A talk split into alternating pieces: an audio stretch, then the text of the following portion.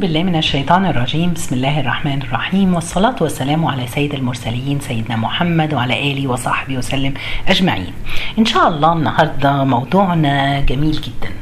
هنتكلم على أسباب نزول بعض آيات القرآن. أسباب نزول القرآن دوت علم من العلوم القرآن. سبحان الله كثير مننا يجهله. وما نعرفوش. بس قبل ما اتكلم عن هذا العلم أو نبتدي ندخل ونبحر كده فيه نتعلم فيه إن شاء الله آه عاوز أتكلم على القرآن نفسه. سبحان الله القرآن هو كتاب الله. عاوزين نفهم كتاب الله نتدبر كتاب الله. السبب إن إحنا يا جماعة قلوبنا قست في الزمن ده وتعبت قلوبنا وكسرت همومنا مع إننا إحنا مش فاهمين الظروف الحياة بقت صعبة محتاجين حاجة نمسك فيها. كتاب الله هو حبل الله الممدود بين السماء والأرض. سبحان الله لو عاوزين قلوبنا دي تنور عاوزين نرتاح قلوبنا عارفين المصباح يا جماعة بيحتاج زيت عشان ينوره. القلب محتاج القرآن عشان يضيئه. ويبعدنا من الغفلة اللي إحنا فيها أو عدم. الإنسان سبحان الله لازم يقوي علاقته بالقرآن. محتاجين كلنا إن إحنا علاقتنا بالقرآن تقوى. عاوزين نجدد ونتع... ونت... دايما يا جماعة كل واحد يدور على انه هو دايما يكون في طريق للأمام بيقرب إلى الله سبحانه وتعالى. بيتعلم القرآن بيتحسن بيحفظ بي... بيطبق. هو ده اللي إحنا عاوزينه عشان كده دايما لما بنقرأ بندعي آه سبحان الله نقول اللهم اجعل القرآن ربيع قلوبنا ونور صدورنا وجلاء أحزاننا. القرآن كل حاجة حلوة ممكن عاوزينها بالقرآن. تعالوا نتعرف على القرآن. سبحان الله كتير مننا بيقول بقرأ القرآن وأغلبيتنا عربي ما دام بتسمعوني بالعربي سبحان الله بس مش فاهمينه.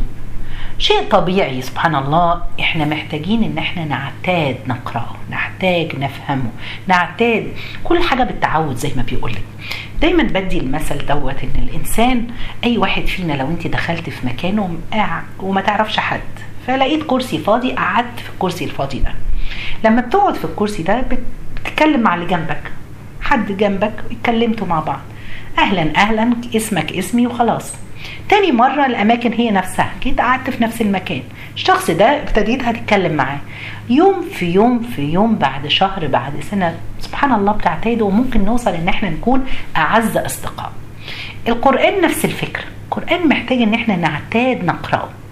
مرة في مرة بنفهمه بنفهم تفسيره. ودلوقتي لما نبتدي نعرف أسباب نزول بعض الآيات قد إيه يا جماعة ساعدت على فهم القرآن. كلنا عارفين إن القرآن نزل على الرسول عليه الصلاة والسلام خلال 23 سنة. يعني ما نزلش مرة واحدة. آه وفي حكمة من عند ربنا سبحانه وتعالى إنه ينزل كده هو. من, من بعض الحكم اللي هو إن ربنا سبحانه وتعالى اولا يثبت إن هذا القرآن من عند الله إن الرسول عليه الصلاة والسلام ما هو إلا بشر. ما بيقولش شيء إلا من عند وحي من الله سبحانه وتعالى القرآن. آه كان كتير بتحصل وقائع وأحداث بيتسأل الرسول أسئلة ما بيبقاش عارف إجابتها ينزل عليه الوحي. زي ما يسألونك عن المحيض يسألونك عن الروح فكان ربنا بينزل القران عشان يجيب الأسئلة. خلاص؟ آه كان المشركين واليهود بيعرضوا شبهات على الرسول عليه الصلاة والسلام ويقولوا وكان من ضمنها الحاجات يعني سبحان الله إن يقول لك ليه الرسول عليه الصلاة والسلام آه ما نزلش القرآن عليه آه مرة واحدة؟ زي ما كل الكتب السماوية. ربنا بيقول لنا في سورة الفرقان آية 32 ربنا بيقول وقال الذين كفروا لولا نزل عليه القرآن جملة واحدة كذلك لنثبت به فؤادك ورتلناه ترتيلا. ربنا بيقول لك ليه؟ أنا بنا عشان أثبت به فؤادك يا محمد. فكان بيحصل إن ينزل بسبب شبهات بيسألوها أو أسهال حاجات كان ينزل القرآن على. يبقى دراسة هذا العلم يا جماعة مهمة جدا لأن كمان برضو يا جماعة برضو في آية تانية ربنا سبحانه وتعالى نزل وقال وكلا نقص عليك من أنباء الرسل. ما نثبت به فؤادك يبقى تثبيت فؤاد الرسول عليه الصلاة والسلام دي شيء مهم. من برضو من الأسباب نزول القرآن على رسول مفرقة إن هو تدرج القرآن في تأسيس الأمة وتربيتها على الإيمان والأخلاق والمعاملة الحسنة. بدأت في مكة كانت الآيات المكية كانت بتثبت العقيدة ثم بعد ذلك نزلت الأحكام والأخلاق. يعني الصلاة مثلا قبل الهجرة بسنة ونصف تقريبا لما في رحلة الإسراء والمعراج تقريبا سنة 12 الصوم فرض في سنة 2 من الهجرة. كل ده في تدرج كان الأول العقيدة المهمة عقيدة التوحيد وبعد كده الأحكام. برضو من أسباب النزول متفرق عشان يعني يسهل عليهم حفظه على الرسول وعلى الصحابة. وبعدين فهمه وتطبيقه. برضو من الأسباب مجاراة الأحداث كإجابة القرآن على بعض زي ما قلت لكم بعض الأسئلة وتعليم الصحابة تلاوته وترتيله. آه برضو سبحان الله فهم بقى هذا العلم بيساعد في إيه؟ بيساعد على ساعد المفسرين إن هم يفسروا القرآن. بيساعد أهل العلم معرفة كثير من الأحكام توضيح المعنى. لأن نعلم واقع البيئة كمان برضو اللي كانوا عايشين فيها. الرسول والصحابه والقصص اللي بتصور لنا العصر الإسلامي الأول ده كان شكله إيه؟ فيبقى هذا العلم علم مهم وعلم ألف فيه كتب. وبيعتمد هذا العلم على أحاديث الرسول عليه الصلاة والسلام والأحاديث الصحيحة وروايات الصحابة وهكذا. فاحنا فكرت ان إحنا يلا مع بعض كده الفترة الجاية كده عاوزين نقوي علاقتنا بالقرآن. ربنا يكرمنا وينفعنا. ويعني تكون دي نيتنا خالصة لله إن ربنا يقربنا بفهم القرآن. أنا بس أول حاجة قلت أجيب صورتين صغننين جدا من الصور اللي كلنا حافظينها وولادنا حافظينها. لما نعرف أسباب نزولها قد إيه معرفة إن ده وأنا بقراها في صلاتي أو بقرأها بعد كده بحس إيه؟ آه يا ده ربنا بيرد على السؤال اللي كذا أو السبب اللي أنا عرفته. يعني مثلا من أمثلة سورة الكافرون. بيقال إن جاء المشركين للرسول عليه الصلاه والسلام وقالوا للنبي إن أصرك لو أنت عاوزنا نتبعك عاما نتبعك عام وترجع إلى ديننا عام. فربنا نزل سورة الكافرون وفي قول تاني إن الكفار أو المشركين جم للرسول عليه الصلاة والسلام وقالوا له تعالى نشارك معك نشاركك وتشاركنا في عبادة أصنام. إحنا نشاركك في عبادة ربك وإحنا وإنت تشاركنا في عبادة ربك ربنا آه إلهنا. آه عشان لو إنت اللي صح يبقى إحنا يعني شاركنا معاك ولو إحنا اللي صح إنت شاركت معانا. ربنا سبحانه وتعالى أنزل سورة الكافرون. بيقول لهم قل يا أيها الكافرون لا أعبد ما تعبدون ولا أنتم عابدون ما أعبد ولا أنا عابد ما عبدتم ولا أنتم عابدون ما أعبد لكم دينكم ولي دين. سبحان الله. لما تفهم هم جم قالوا للرسول إيه تعالى نشارك مع بعض أو إحنا سنة وسنة تعرف ليه ربنا عمل هذا الحوار؟ لا أنتوا بتعبدوا ولا أنا عبد ولا أنا عبد كل واحد يخلي لكم دينكم ولي دين في النهاية. الصورة الثانية اللي كلنا حافظينها ومن أول الصور اللي بنحفظها وبنحفظها لأولادنا. سورة الإخلاص. سبحان الله يقال إن سورة الإخلاص جم الكافرون أو المشركون. وقالوا للرسول عليه الصلاة والسلام قل لنا نسب إلهك. طلبوا أن ينسب لهم ربه الذي يعبدوه. إيه النسب بتاعه؟ من أي عيلة ولا من استغفر الله العظيم؟ يعني هم ليه ليه ليه السبب هم جم كده؟ أنتوا عارفين إن هم كانوا بيعبدوا الأصنام قبل الرسول عليه الصلاة والسلام. كان مثلا من إحدى الأصنام اللي كلنا اتعلمنا في المدرسة اللاتة اللاتة والعزى اللاتة دي ليها قصة. كان في شخص يعيش في مكة وكان من الناس الصالحين الكويسين قبل الإسلام طبعا في الجاهلية. وكان لما الناس تيجي تحج لبيت الله كان هو يصنع لهم الأكل والشراب ويقدمه للحجاج. فالناس كانت بتحبه. فلما مات هذا الرجل ابتدوا يقولوا طب نعمل تمثال أو صنم ليه؟ عشان يذكرنا بيه. وكانش فيها شرك ساعتها ولا حاجة يعني هم بس بيقدروا هذا الشخص. ودي كانت بداية عبادة الأصنام إن بعد ما بيعملوا للشخص اللي هم المؤمن أو الراجل الكويس الصالح بعد كده يبتدوا يعبدوه. ودي المأساة في كل الحاجات حتى بوذا دلوقتي بوذا. بوذا يعني دلوقتي سبحان الله نفس الفكرة. شخص كويس وعمله وهي أي صنم بيعبد كان النية في الأول إن هو يقربنا لله زلفى هم عاوزين ياخدوا سكة بس يقربهم لله. فلما جم بيسألوا النسب لأن هم عارفين نسب اللات بتاعهم هم عارفين. وفي قول تاني إن جم قالوا للرسول عليه الصلاة والسلام أوصف لنا ربك. فربنا سبحانه وتعالى أنزل سورة الإخلاص. قل هو الله احد. الله الصمد صمد. يلجا اليه كل انسان. لم يلد ولم يولد ولم يكن له كفوا احد. سبحان الله ليس له مثيل هو واحد. فسبحان الله لما نقرا ونحفظ ونصلي بيها سبحان الله سورة الإخلاص من الصور الجميلة المحببة. زي ما قال لنا الرسول ثلث القرآن. مرة جه أحد الصحابة دايما بيصلي بسورة الإخلاص فواحد صحابي سأل وقال له بحبها.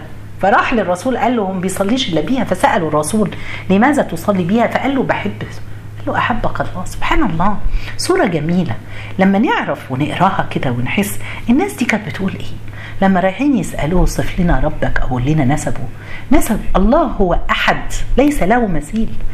هو الصمد الذي يلجأ له كل إنسان بنلجأ لله. ما فيش زيه. لم يلد ولم يولد. مش بالنسب اللي أنتوا بتطلبوا ولم يكن له كفوا أحد. سبحان الله. آه فدي حاجة جميلة بتساعدنا وإحنا بنقرأ القرآن نفهمه ونحفظه. حتى لما بنحفظ القرآن الآيات لما بنعرف سبب نزولها بتبقى حاجة جميلة. طيب آه يلا نبتدي أول صورة بعد كده حبيت إن أنا أشارك معاكم آه آه سبب نزولها. آه بيقول لك إن قبل الإسلام طبعا كلنا عارفين في قريش كان الناس بتيجي تحج وكانوا هم حاطين عند جبل الصفا صنم اسمه ساف وصنم آخر في المروة اسمه نائلة. فكان الناس المشركين لما يجوا للحج والعمرة يتمسحوا في الأصنام دي. فلما شرع الله سبحانه وتعالى لنا الإسلام وبين للمسلمين ان العمرة والحج فيهم السعي ما بين الصفا والمروة أشكل على الصحابة بقى صعب جواهم كده. إزاي نعمل كده؟ زي ما كنا بنعمل أيام الجاهلية والكفر. طب هم بيعملوا عند اصنام وهنعمل إحنا إزاي كده؟ فكانوا متحرجين آآ كأنهم كانوا عاوزين يقطعوا علاقتهم وصلاتهم سبحان الله بالأصنام دي أو بالجاهلية اللي كانوا بيعملوه. فربنا سبحانه وتعالى أنزل في سورة البقرة آية 158 إن الصفا والمروة من شعائر الله. فمن حج البيت أو اعتمر فلا جناح عليه أن يطوف بهما ومن تطوع خيرا فإن الله شاكر عليم. سبحان الله. ربنا هنا بيقول لهم الكافرون كانوا بيعملوا أو أنتوا في الجاهلية لآلهتهم. لكن أنتوا دلوقتي بتعملوها إيه؟ دي من شعائر الله. والعمل هنا بالنية يا جماعة. فليس عليكم حرج أن تسعوا بين الصفا والمروة. ما فيش عليكم اسم ولا حرج إن أنتوا تسعوا ما بين الصفا والمروة. صحيح إنها عادة جاهلية لكن دلوقتي هو أمر من الله سبحانه وتعالى ومن شعائر الله شعائر الإسلام. سبحان الله لو وقفنا هنا هتورينا إن إيه؟ النية بتغير كل شيء. نية الإنسان ممكن تغير لك كل حاجة في حياتك. نية أنا بعمل العمل ده ليه؟ سبحان الله عندنا حجر. الحجر الأسود بنقبله. والحجر اللي يمثل الشيطان بنرجمه. لكن الفرق ما بينهم إيه نية؟ هو ده حجر وده حجر. خلوا نيتنا دايما يا جماعة. نية كل واحد بيسمعني دلوقتي. نيتنا. خلي نيتنا إحنا إحنا إن شاء الله يا رب نعاهدك إن إحنا هنجتهد إن نفهم القرآن. ونتدبر القرآن ونعمل بالقرآن ونحفظ القرآن ونفهم القرآن. إن شاء الله. فربنا يكرمنا ويعيننا بالنية الخالصة دي. نية كل واحد بيسمعني نيته إن هو ده درس علم بيسمع وعاوز يتعلم وعاوز نقرب من الله سبحانه وتعالى. ربنا يكرمنا إن شاء الله وينفعنا. طيب آه دي كان سبب نزول هذه الآية في سورة البقرة آية 158 إن الصفا والمروة من شعائر الله. فلا فإيه فمن حج البيت أو اعتمر فلا جناح عليه. ما فيش اسم عليه. روح واعملها طب سبحان الله يا جماعة. ساعات إحنا عرب بنسمع بنقرأ القرآن بس مش فاهمينه بس بنأوله بتأويل غلط ودي مشكلة كثير من الناس. وفي هذا الزمان التشكيكات اللي طالعة والناس اللي بدون علم ولا علم وبيطلعوا يفسروا آيات زي ما بنشوف سبحان الله على الحجاب والحاجات اللي طالعة في اليومين دول. كل واحد يفسر هل القرآن ينفع إن كل واحد يفسر؟ لا لا لا. لازم العلماء ونرجع لتفاسير ناس موثوق فيها سبحان الله. آه حصل ده برضو أيام الرسول عليه الصلاة والسلام أو آه إن في عروة بن الزبير ابن أخت رسول آه ابن أخت ستنا عائشة رضي الله عنها. راح لخالته وقال لها أرأيت قول الله تعالى إن الصفا والمروة وقال وتلا عليها فلا جناح عليه أن يطوف بهم فلا أرى في أحد شيء ألا يطوف بهما يعني أكن بيقول هو فهم الآية إن يعني فيش جناح ما فيش اسم عليك ألا فلا جناح عليه أن يطوف بهما فيعني مش لازم يطوف بهم. فقالت له لا لو أراد الله ما تقول كان قال كان رب كان ربنا فلا كان ربنا قال فلا جناح عليه أن لا يطوف بهما. لكن لكن إنما نزلت هذه الآية في الأنصار والمسلمين كانوا يعني حكيت له بقى القصة إن هم بيروحوا بيسعوا لنائلة وأساف الأصنام اللي كانت عندها فربنا هنا بيقول لهم لا ما فيش مشكلة إن أنتوا تطوفوا بنيتكم إن أنتوا بتعملوها كنسك من نسك أو من شعائر من شعائر الله. شوفوا حتى كانوا بس سبب معرفة نزول الآية اللي قالتها ستين عائشة لعروة فهمته إن هو عنده إشكال في الفهم. يبقى قد إيه ضرورة فهم أسباب نزول القرآن. طيب ناخد مثل تاني. ربنا سبحانه وتعالى زي ما قلنا نزل القرآن على الرسول عليه الصلاة والسلام متقطع على فترات عمر. آه في جت فترة بعد ما نزل ابتدى ينزل الوحي على الرسول عليه الصلاة والسلام انقطع أيام فحزن الرسول حزنا شديد. فجاء المشركين يستهزئوا بالرسول وجت امرأة يقال إنها امرأة عجوز جت تسخر من النبي. ويقول وتقول له ما نرى شيطانك تقصد؟ اللي هو سيدنا جبريل لأنه هو كان الرسول بيقول له من الوحي بينزل عن خلال جبريل إلا قد قلاك يعني تركك وهجرك خلاص.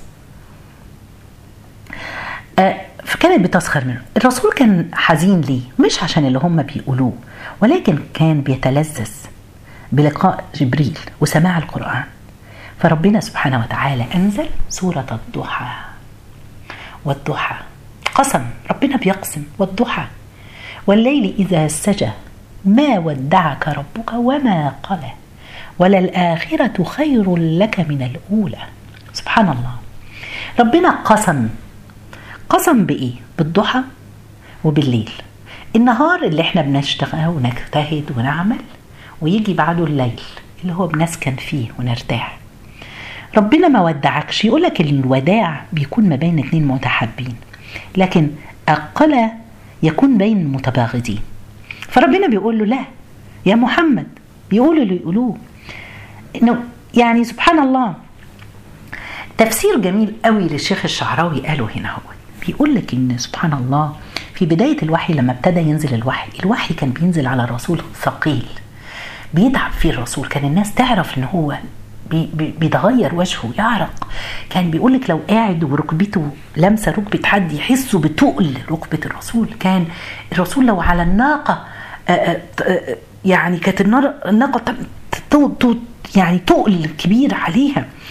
فكان ربنا سبحانه وتعالى هنا شيخ شعراوي بيفسرها بيقول لك إن هو في النور لما نزل الوحي عليك في النهار وحبة سكون ليل وانقطع شوية ربنا ما ودعكش وما قال.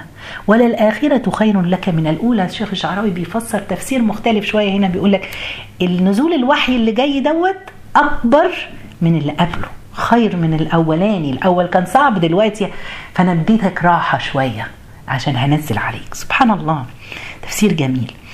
ولو أخذنا سورة الضحى دي كل واحد فينا بيمر بكرب وضغط وهموم. اقرأ هذه السورة. بتحس إن ربنا بيقول لك ما ودعكش ربك ربنا ما بيودعش حد ربنا معانا. حتى في أصعب فترات حياتنا اللي بنمر بيها ربنا معانا. ولا الآخرة خير لك من الأولى اللي جاي أحسن من قبله ولو فسرناها الآخرة يوم القيامة هي خير فنصبر حتى نؤجر عليه. إن شاء الله مرة نفسر سورة الضحى قد إيه جميلة. التسع آيات لما بيتقسموا ثلاثة ثلاثة ثلاثة كل واحدة ليها إن شاء الله نبقى مرة تانية. يبقى أنا لما بعرف سبب نزول هذه الآية وأشعر كده وأنا بقرأها إن ربنا بيقسم بيقول للرسول لا ربنا ما ودعكش ولا سابك. أنا معاك. قد إيه هنحس بيها أكتر. يقال روى موضوع تاني روى أبو عبيد بن إبراهيم التيمي. قال خلى عمر بن الخطاب ذات يوم. قعد كده بيحدث نفسه ويقول كيف تختلف هذه الأمة ونبيها واحد؟ وقبلتها واحدة. إزاي؟ مش متخيل. فابن عباس كان قاعد معاه قال له يا أمير المؤمنين. أن أنزل علينا القرآن فقرأناه. هم الصحابة دول نزل عليهم القرآن والرسول في وسطهم فقرأوه وحفظوه. وعلمنا فيما نزل. وعرفوا أسباب النزول. نزل في مين ونزل؟ الحدث وإيه؟ القصة. وأنه سيكون بعدنا أقوام يقرؤون القرآن ولا يدرون فيما نزل فيكون لهم فيه رأي كل واحد ليه رأي. بعدما بعدها فإن كان لهم فيه رأي اختلفوا فإن اختلفوا اقتتلوا. سبحان الله هو ده الواقع اللي إحنا عايشين فيه. إن ال الناس بقت تختلف وكل واحد يفسر بشكل وده من الجهل بالمعنى وجهل بمعنى أسباب نزول القرآن. سبحان الله ابن عباس اللي اتكلم مع سيدنا عمر كان فاهم. ابن عباس يطلق عليه ترجمان القرآن. وحبر الأمة كان أكثر الناس فهم بالقرآن سبحان الله. كان الرسول دعاله بأنه يفقهه في في الدين. وفعلا كان فقيه الأمة. كان بيخطب مرة ابن عباس ويقول والذي لا إله غيره ما أنزلت سورة في كتاب الله إلا أنا أعلم أين أنزلت. ولا أنزلت آية في كتاب الله إلا وأنا أعلم فيما أنزلت. ده اللي إحنا بندرسه اليومين دول. فيما أنزلت. سبب نزولها في في مين وليه؟ ولو أعلم أحدا أعلم بكتاب الله مني من كتاب الله مني متى تبلغ الإبل لركبت إليه. والله لا أروى طيب. قصة تانية برضو سبب آية من نزول القرآن. بيحكي أنس بن مالك. يحكي أن سبحان الله إحنا عارفين إن الخمر حرم تدريجيا. أنس بن مالك بيحكي إن هو كان في يوم في المدينة في بيت منزل أبي طلحة وكان خمرهم يومئذ حاجة اسمها الفضيخ نوع من الخمور فأمر الرسول صلى الله عليه وسلم مناديا ينادي في المدينة ألا إن الخمر قد حرمت؟ فأول ما سمعوا كده قال له أبي طلحة أخرج فاهرقها كبها كلها. فخرجت فهرقتها دلقها. فجرت في سكك المدينة. سبحان الله يوصفوا أن هذا اليوم أن كل الناس لما سمعت هذا الأمر خرجوا دلقوا الخمر. كانت المدينة شوارع المدينة أنهار من الخمور. سبحان الله. كانوا يقولوا سمعنا وأطعنا. إحنا بنقول إيه؟ سمعنا وجادلنا. سمعنا ومش مقتنعين. اقنعونا. للأسف إلا من رحم ربي. إيه سبحان الله لما ربنا سبحانه وتعالى أنزل وإحنا في سورة المائدة آية 90 يا أيها الذين آمنوا إنما الخمر والميسر والأنصاب والأزلام رجس من عمل الشيطان فاجتنبوه لعلكم تفلحون. حرم هنا الخمر.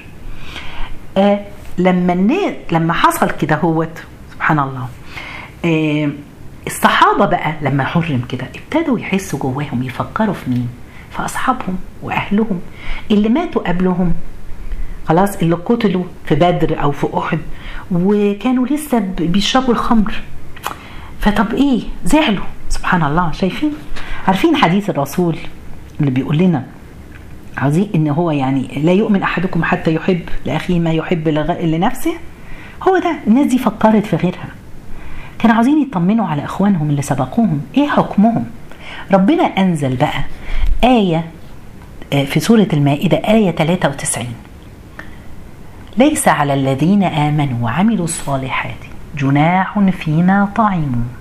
إذا ما اتقوا وآمنوا وعملوا الصالحات ثم اتقوا وآمنوا ثم اتقوا وأحسنوا والله يحب المحسنين. ليس عليهم جناح سبحان الله فيما طعم. الناس دي اللي آمنت سبحان الله ربنا طول ما هو كان عملها وفي الجاهلية وما كانتش الحكم موجود خلاص. يبقى ما فيش اسم عليهم إن هم سبحان الله. دي سبب نزولها. نشوف إن حصل برضو إشكالية. ناس فسرتها غلط أو فهموها غلط. يقال إن قدامى بن مظعون كان من الصحابة العظام سبحان الله. آه آه فهم الآية دي إن هو يجوز شرب الخمر. طول ما إن هم كان من المؤمنين وعملوا الصالح هنقول حصل الموقف كان سيدنا عمر بن الخطاب عينوا آه استعملوا على البحرين. فجه آه إحدى الصحابة الجارود قال لعمر إن قدامة شرب الخمر. فسكر. فقال عمر من يشهد على ما نقول؟ قال جارود أبو هريرة يشهد على ما أقول. وذكر الحديث والحديث كمله فقال عمر يا قدامة. جاب قدامة وقال له إني جالدك. قال والله لو شربت كما يقولون ما كان ذلك؟ ما كان لك أن تجلدني يا عمر؟ فسيدنا عمر قال له ليه؟ قال لأن الله تعالى قال ليس على الذين آمنوا وعملوا الصالحات جناح فيما طعموا. خلاص؟ إذا ما اتقوا وآمنوا وعملوا الصالحات ثم اتقوا وآمنوا ثم اتقوا وأحسنوا. والله يحب. هو فين بقى؟ إن هو طول ما دام هو بيعمل الصالحات ومؤمن بالله ويتقي الله وبيحسن فلا جناح عليه أن يطعم أنه يشرب من الخمر فساعتها ابن عباس قال له إن هؤلاء تلك الآيات أنزلت عذرا للماضين وحجة على الباقين. فعذر للماضين بأنهم لقوا الله قبل أن تحرم عليهم الخمر. وحج على الباقين لأن الله تعالى يقول وقال ليس على الذين آمنوا وعملوا الصالحات. سبحان الله. يبقى هو أرى الآية فهمها غلط. سبحان الله. يبقى من جهله يبقى إحنا لما بنعرف سبب النزول بتساعدنا قوي إن إحنا نفهم إيه أسباب النزول. سبحان الله إن شاء الله نكمل لقائنا الأسبوع القادم مع تكملة مع بعض الصور والآيات وسبب نزولها. ربنا ينفعنا ويفيدنا جميعا. جزاكم الله خير. سبحانك اللهم بحمدك أشهد أن لا إله إلا أنت أستغفرك وأتوب إليك.